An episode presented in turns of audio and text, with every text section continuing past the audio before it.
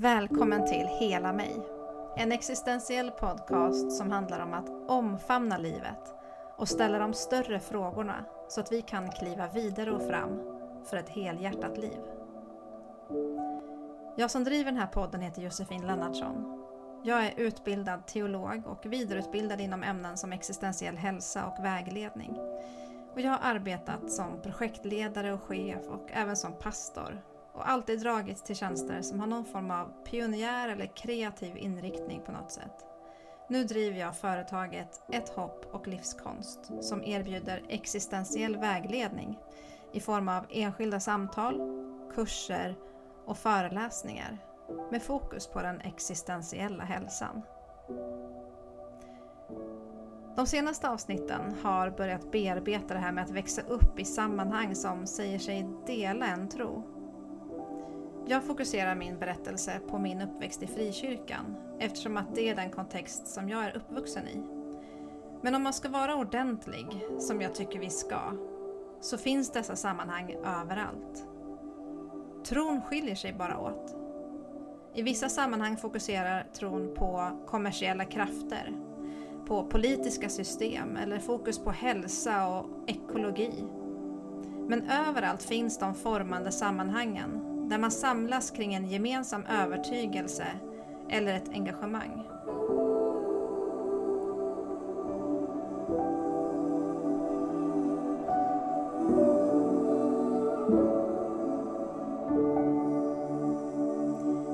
Det hör till utvecklingen att dekonstruera de sanningar vi växt upp med att tro på. Det är viktigt att vi gör sanningarna till våra egna, oavsett vilka de är. Vi behöver en egen relation till sanningen, så att säga. För att göra sanningen till vår egen behöver vi ifrågasätta, lära oss fler perspektiv och behålla det som resonerar med våra värderingar och vår syn på livet i stort. Men det är inte alltid så enkelt att göra det och i vissa fall kan ett ifrågasättande bli oerhört traumatiskt. I förra avsnittet talade jag om nya perspektiv som skapar nyanser det är ju så vi lär oss nya saker och utvecklas. Men i vissa sammanhang ses ny kunskap eller ett ifrågasättande som någonting hotfullt eftersom att det kan rucka den grund man står på. Dekonstruktion ruckar alltid på grunden för att skaka fram det som verkligen går att stå på. Dessa grundstenar handlar om våra värderingar, syn på livet, oss själva och hur vi vill relatera till vår omgivning, bland annat. Att ifrågasätta de sanningar vi lärt oss att tro på kan skaka om hela vår tillvaro eftersom det påverkar identitet, våra relationer men också hur vi förhåller oss till livet i största allmänhet. Jag önskar att kyrkan skulle kunna vara en plats där vi får med oss tillräckliga verktyg för att hantera livet. För en del är det nog så, vi är ju olika. Men det är också tydligt utifrån den statistik som visar på kyrkans nedgång att man inte riktigt kan möta de behov som finns idag av olika anledningar. Kyrkan är spretig och det finns absolut sammanhang som är bättre på det här. Men den erfarenhet som jag har och det jag ser hos många av dem som lämnat kyrkan är att man misslyckats ge en stabil existentiell grund i livet. Det många istället erbjuder är läror och förhållningssätt och en social gemenskap som delar dem. Jag hade tur som fick ett trauma som tidigt satte mig i kontakt med de större existentiella frågorna och där jag var tvungen att göra dem till mina egna för att ha någonting stabilt att hålla i. Men att ställa frågor och ge utrymme för medlemmarna att själva bearbeta och landa i sina svar är inte lika vanligt.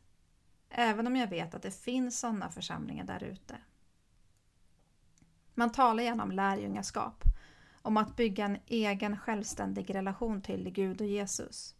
Men hur ska man bygga detta utan att få tänka självständigt och få grunder till hur man ska förhålla sig till teologi och de existentiella perspektiven?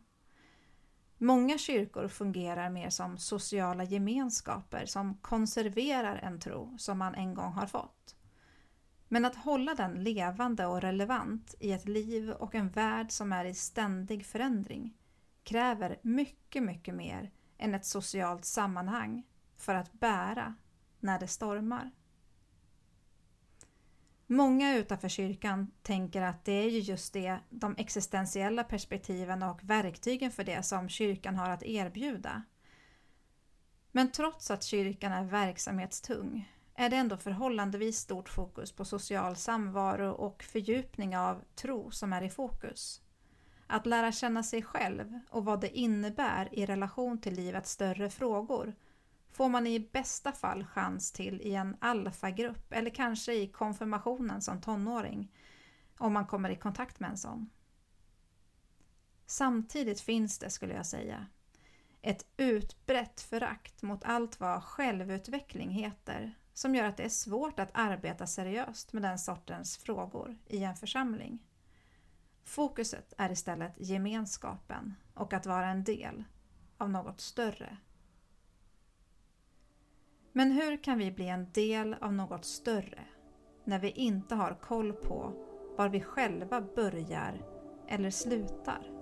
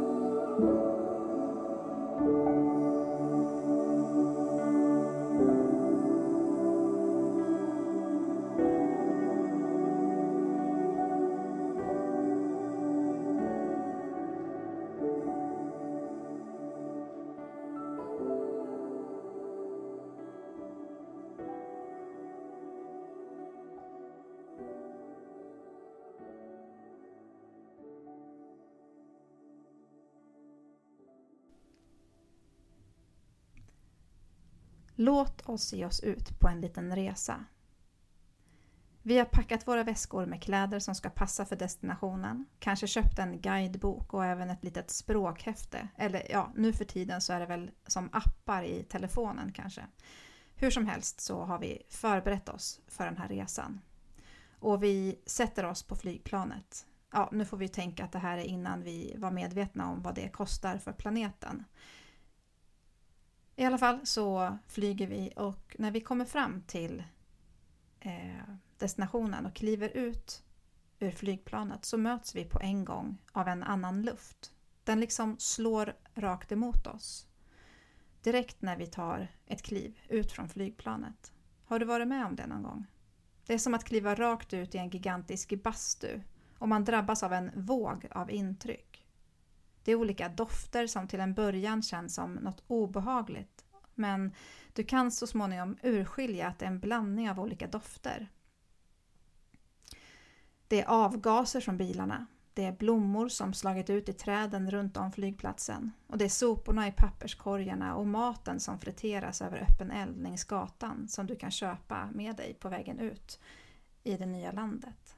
Och så är det värmen. Den kompakta värmen.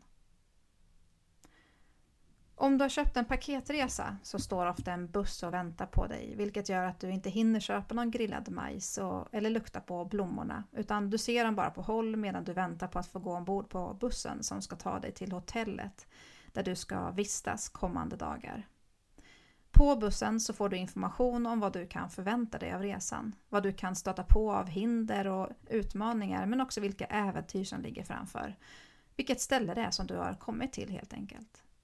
Allt utifrån guidens perspektiv. Du har ju betalat för resan och för att ha en guide så du litar på den här guiden, vad den säger och du rättar sig efter de riktlinjer som guiden ger för din vistelse. Du ska inte vara utanför hotellets gårdar efter 21, bara äta mat från restauranger med en viss skyltning, inte åka med taxibilarna som står utanför, utanför på gatan utan boka en via receptionen istället. Du tänker att det här gör att liksom, de vill skydda dig lite grann, att du ska få en så bra resa som möjligt och att de har ditt bästa i tankarna när de ger dig de här riktlinjerna.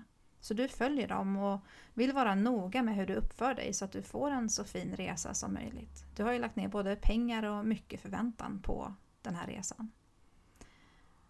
Hotellet låg en bit utanför staden, men det gick ganska smidigt att ta sig in på utflykter för att upptäcka allt exotiskt som landet har att erbjuda. Hotellet har en egen pool, men också en bit av stranden där du kan boka en solstol om du vill. Allt finns där, allt som du kan tänkas behöva. På samma flyg som du reste med satt ett par som inte skulle med på paketresan utan som köpte en flygstol till samma destination. När de klev ut från flygplatsen gick de direkt över till matstånden och köpte sig en lunch och gick sedan till busshållplatsen för att åka den vanliga lokalbussen in till staden. Väl där hade de bokat ett rum i ett hus mitt inne i den högljudda staden. De hade nära till alla sorters restauranger och marknader. De hade gångavstånd till stranden men fick betala en slant för att använda en solstol från någon av restaurangerna som låg där intill. Och för att hitta till spännande upplevelser frågar de människorna de mötte på gatan eller som de hittade någon trevlig butikspersonal eller någonting som de hade connectat lite med. Och på så sätt så fick de tips om gator att besöka och restauranger att stanna till vid. Och även större utflykter som de kunde göra till närbeläggande städer och sådär. Och de hade varit på utflykter och sett omgivningarna som inte ens fanns med i guideböckerna tack vare det här. De har lärt känna ett par som driver en butik på samma gata. Och en kväll så blir de hembjudna till dem och får smaka på hemlagad lokal mat. De fick verkligen en känsla för hur det kan vara att bo och leva i det där landet. Och under den här kvällen så får de höra om vad turismindustrin gör för staden.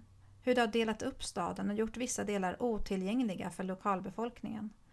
De får höra om turister som beter sig illa och som gjort det svårare att leva där. Paret visste inte hur länge de kunde bo kvar på grund av ökade priser och en, ett allt mer hårt klimat. Livet i den lilla staden var sig inte likt sedan turisterna kom. Det var ansträngt och det fanns lokalbor som börjat kritisera det öppet och ibland även hamnat i bråk med turisterna. Men inne på hotellet är det mysigt. Maten är lite annorlunda mot hemma och klimatet är med och skapar en upplevelse av äventyr. Även om det är innanför hotellets murar så känns det lite exotiskt och annorlunda. Du vänjer dig snabbt med vardagens nya rutiner på hotellgården. Men en dag bestämmer du dig för att göra en utflykt in till staden. Du gömmer pengarna i underkläderna och sätter på dig heltäckande kläder för att skydda dig så mycket du kan från vad det nu än är där ute som du inte känner till. Eftersom att du har fått tydliga direktiv hur du ska bete dig utanför hotellets murar känner du dig lite nervös och rädd när du kliver ut. Du vet ju inte riktigt vad som kan vänta dig nu när du tar ett eget initiativ och går ut för att se med egna ögon det land som du har rest till. När du kliver ut ur taxin, som du har bokat via hotellets reception som du har fått instruktioner att göra, har du betalat en dyr slant för att komma till centrala gatan i staden. Du går längs gatan men vet inte riktigt hur du ska närma dig butiken eller de miljöer du ser. Nyfikenheten blandas med rädsla för det okända som du har hunnit bilda dig en otrygg bild av. Du känner dig inte helt bekväm men du vill samtidigt se mer än det som du hittills har fått via resebolaget. Efter en stund så möter du det här paret som köpte flygstolar och ni bestämmer er för att äta en bit mat ihop. De säger att de har hittat ett ställe som de tycker mycket om och tar dig med till en restaurang vid sidan om huvudgatan. Lite av en bakgata där det inte fanns så många andra turister. Du känner dig inte helt bekväm, men du litar ju samtidigt på paret. Det visar sig att de tar dig till en restaurang som saknar den här sortens skyltning som hotellet har sagt att man ska ha. Och det verkar inte riktigt vara turistanpassat alls. Paret visar sina favoriträtter och ni bestämmer er för att beställa in tillsammans och dela på maten. Under måltiden lär du dig att det inte är så farligt att äta mat från en restaurang som inte har den där särskilda märkningen. Och du inser till och med att den maten är godare och mer vällagad än det du hittills har ätit på resan. Ni samtalar om vad ni hunnit se och uppleva under er vistelse och du inser snabbt att du inte hunnit se så mycket av landet egentligen. Du har mest levt i hotellets skyddade värld och tagit del av deras version av vad landet har att erbjuda. När du lyssnar till parets berättelser får du en bredare bild av landet. Du får höra om konflikterna som uppstått på grund av turistindustrin och du inser att du faktiskt är en del av problemet. I samband med denna insikt rasar fler, fler skygglappar från dina ögon. Du inser att taxin du bokat och även restaurangerna du blivit hänvisade till tar dubbla priset. Du får höra om lokalbefolkningen och dess kultur som inte alls är så skrämmande och fientlig som du fått bilden av. Du får till och med träffa några och lära känna deras varma sätt. Du inser att det du lärt dig inte var hela bilden. Det fanns mer att upptäcka, men att det krävdes att du tog ett steg ut från den skyddade miljön och gjorde en utflykt på egen hand utan guidernas överseende. Hade det inte varit för det här paret som du mötte på gatan kanske du inte hade gjort de här upptäckterna. Då hade du kanske fortfarande levt i tron att det som du då kände till om landet var hela sanningen. Det här är en påhittad historia. Kanske känner du igen dig i någon av figurerna i berättelsen från någon resa som du gjort. Det här är både en erfarenhet från ett fysiskt resande men även en erfarenhet som många gör som växer upp i starkt formande miljöer. Ett av de största problemen med den här erfarenheten som jag försökte gestalta det handlar om förmågan att ifrågasätta information och genomskåda olika drivkrafter som ligger bakom. Om turisten som reste med paketresan ifrågasatt guidens råd hade man kunnat se att det fanns olika intressen som drev vilken information som erbjöds. Det hade blivit tydligt att paketresan erbjöd en liten del av en större verklighet. Ifrågasättandet hade öppnat upp för fler berättelser och komplicerat resan en hel del. Det hade också, mycket troligt, berikat den väldigt mycket. I många frikyrkliga miljöer som jag varit en del av har ifrågasättande ansetts vara någonting negativt. Det har straffats på olika sätt. Det märks inte minst på att de som ifrågasatte aldrig fick samma förtroende som de som bara hänger med på det som sägs. Det märks också på kommentarer om att fokusera på fel saker, att vara kritisk, ingen lagspelare eller inte helgad nog och så vidare. Det som händer med en person som levt i en sån miljö och sedan upptäcker att det man lärt sig och trott varit sant faktiskt bara är en liten del av sanningen och att det finns fler perspektiv att ta hänsyn till kan vara dramatiskt och för en del till och med traumatiskt. Det är därför så viktigt att vi tidigt får lära oss att en hållbar tro, oavsett på vad du tror på, alltid tål att ifrågasättas. Att frågor aldrig är ett problem, utan snarare det som får oss att växa och utvecklas.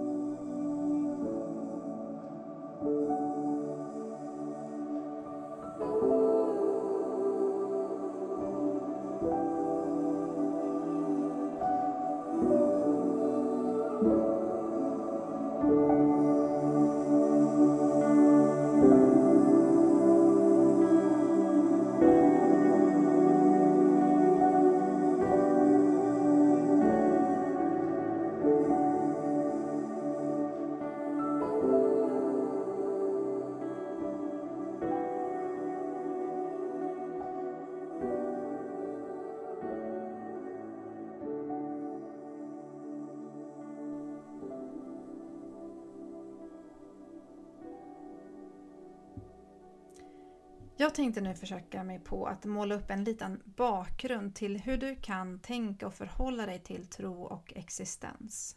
Det är inget nytt för dig som har läst teologi, men eftersom att de flesta inte har gjort det så tror jag att det kan vara värdefullt att få en liten överblick. Och även för dig som inte har en bakgrund i kyrkan eller en specifik religiös tro så tror jag att du kan få ut någonting av det här avsnittet eftersom att det liksom i grunden är allmänmänskligt. Så vad är egentligen teologi? Teologi betyder studiet eller läran om Gud. Det handlar i grunden om att försöka formulera en mänsklig förståelse för det här som är större än några ord egentligen kan omfatta. Så fort vi försöker sätta en definition på vem Gud är eller hur Gud är så begränsar vi på en gång Gud. Samtidigt är det just detta som engagerat människor och som också lett till uppkomsten av olika religioner och traditioner. Därför att erfarenheten av det här större som vi känner att vi kan få kontakt med har fascinerat och skapat mening för människor i alla tider. Det har format gemenskaper och hållit människor samman i oroliga tider. Och det har även drivit till nya sätt att förstå livet och vad det innebär att vara människa. Teologi är inte bundet till en specifik religion, även om alla religioner har teologiska definitioner och program kan man säga som de förhåller sig till. Inom varje, varje religion så finns det sedan många olika teologiska nyanser, inriktningar och betoningar.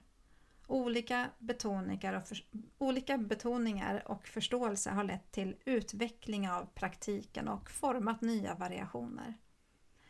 Inom varje religion så finns också rörelserna som vill renodla och som vill tillbaka till rötterna och det här har såklart lett till brytningar och konflikter som skapat stora avstånd mellan människor.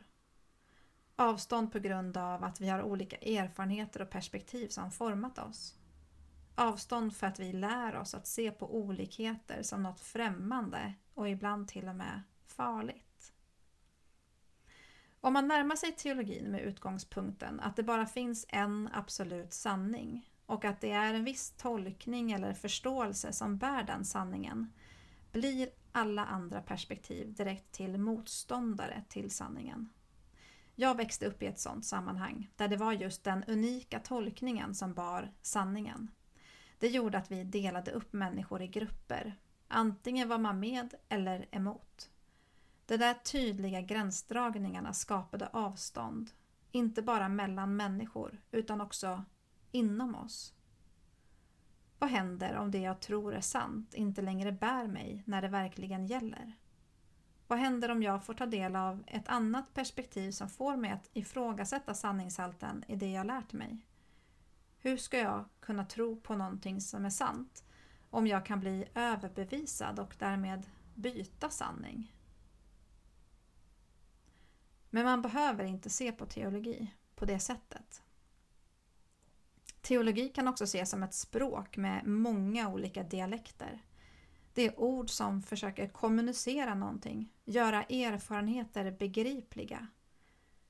Teologi är allmänmänskligt. Det är våra ord om det som vi inte kan beskriva men som för en del ändå är en stor del av ens verklighet. Det är ett sätt att prata om det som vi brukar kalla för Gud. Teologi skapar ramverk genom vilka vi kan skapa större förståelse för de erfarenheter, den längtan, men även det tomrum som vi kan känna. Alla de stora frågorna i livet och dess ursprung kan kläs med teologiska ord och därmed hjälpa oss att tolka och förstå livet. Den kristna teologin är på många sätt spretig men förenas ofta i en tro på att Jesus är Guds son, att Gud blev människa och därmed skapade en direktkontakt med sin skapelse. Däremot så finns det flera sätt att förstå varför Gud blev människa och vad det innebär konkret. Något annat som förenar den kristna teologin är Bibeln som är en samling skrifter som under flera tusen år varit viktiga texter för människor i deras tro och förståelse av Gud. Den kristna teologin förhåller sig till erfarenheten av Gud, Bibeln samt de traditioner som har upprätthållits av kyrkan och de troende. Och olika kristna traditioner eller olika samfund betonar de här tre på olika sätt. För en del är skriften viktigare än erfarenheterna, för andra är erfarenheterna likställda med skriften och traditionerna och så vidare. När det kommer till hur man förhåller sig till Bibeln så brukar man tala om bibelsyn. Många kristna bekänner sig till en bibelsyn där Bibeln är Guds ord, vilket för många innebär att allt det som står i Bibeln är sanning och någonting som Gud har en agenda med. Men också här finns en stor bredd i exakt vad det innebär. Även i kretsar som tror att Bibeln är Guds ord erkänner att det inte är enkelt att förhålla sig till det. Det är få sammanhang idag som menar att man kan läsa texten rakt upp och ner och tolka in det direkt in i sitt liv. Det finns absolut sådana sammanhang, men de allra flesta skulle jag nog ändå säga erkänner att vi idag behöver förstå att Bibeln är skriven i en viss tid till en viss läsare och att vi behöver ha en kulturell förståelse för att närma oss innehållet och få ta, liksom, ta del av vad det kan ha för budskap till oss idag. Men på grund av det här så kan man förstå bibelord olika eftersom att det handlar om perspektiv och nyanser och i hur vi tolkar det som står. Att läsa Bibeln blir som att tala om Gud. Det blir olika beroende på vem det är som gör det och vad den bär med sig av olika tolkande ramverk från början. Beroende på hur du ser på livet, på dig själv, på Gud och meningen i livet så blir förståelsen därför olika. Det kan inte bli annat än så. Det är ju samma när vi läser en dikt eller en instruktion. Vi får med oss olika innehåll beroende på vem vi är och vad vi har med oss av kunskap och erfarenhet från början. Bibelsyn kan också handla om att se Bibeln som en viktig källa till att förstå livet. Till att förstå Gud och människans villkor. En källa av texter skrivna och inspirerade av erfarenheter kring Gud och livet. Inspirerade av Gud till och med. Texter som kan vara underlag för diskussion och utforskande både inom dig själv och den värld vi lever. Texter som ifrågasätter dig och de sanningar som du har. Lite så Bibelns texter används i en judisk tradition. Tyvärr följde inte riktigt det förhållningssättet med när kyrkan formades. Har jag komplicerat det hela för dig nu? Det var lite meningen. Vi kan inte närma oss livets stora frågor och tro att det ska vara enkelt. Det är komplext och det behöver finnas ett stort utrymme för ödmjukhet när vi närmar oss det.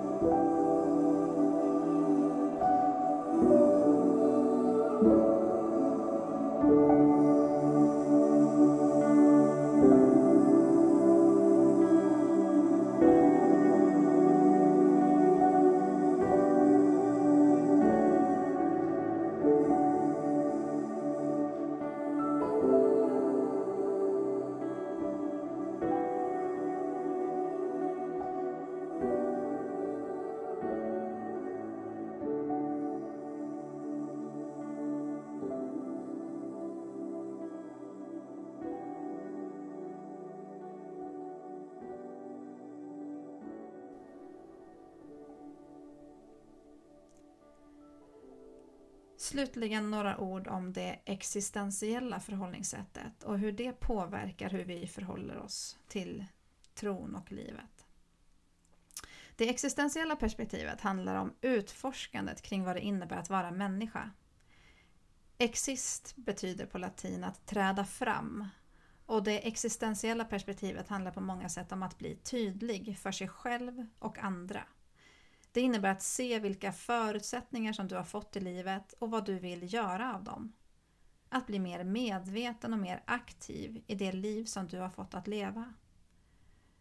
Det existentiella perspektivet är inte kopplat till en särskild religion, men det går att finna i alla religioner eftersom att det är ett grundfundament för alla människors varande. Det finns gott om existentiella frågeställningar och brottningar i Bibeln och i den kristna traditionen Gott om filosofiska dilemman att klura på och förhålla sig till. Det existentiella perspektivet visar slutligen vad som är viktigt för oss, vilka värderingar vi styrs av, vad vi tror är sant och viktigt, vår etik och hållning i den här världen. Stora frågor som det sällan finns enkla svar till. Det är inte enkelt att vara människa. Och ofta komplicerar vi det ytter ytterligare för oss själva och varandra genom att sätta upp murar och beskriva verkligheten på ett sätt som skapar avstånd. Vi kan välja att leva våra liv i en skyddad värld, långt bort från verkligheten. Men det innebär att vi ställer oss vid sidan av och inte riktigt blir en del av helheten. Jag tror och hoppas att vi istället kan försöka oss på ett liv med fler nyanser, där vi kan upptäcka både brottningen och skönheten som finns i den större bilden. Att vi kan erkänna komplexiteten och att det inte är så lätt att veta vad som är rätt alltid. Men att det samtidigt alltid går att ta beslut som öppnar dörren för mer tillit, fler nyanser och ett varmare klimat mellan varandra. I kommande avsnitt kommer jag att djupdyka ner i ett spår kopplat till den kristna tron och dess uttryck. Ett spår som kostat många människor mycket och som ständigt blossar upp till känslosamma debatter. Det är viktiga avsnitt som jag hoppas ska ge fler nyanser och perspektiv.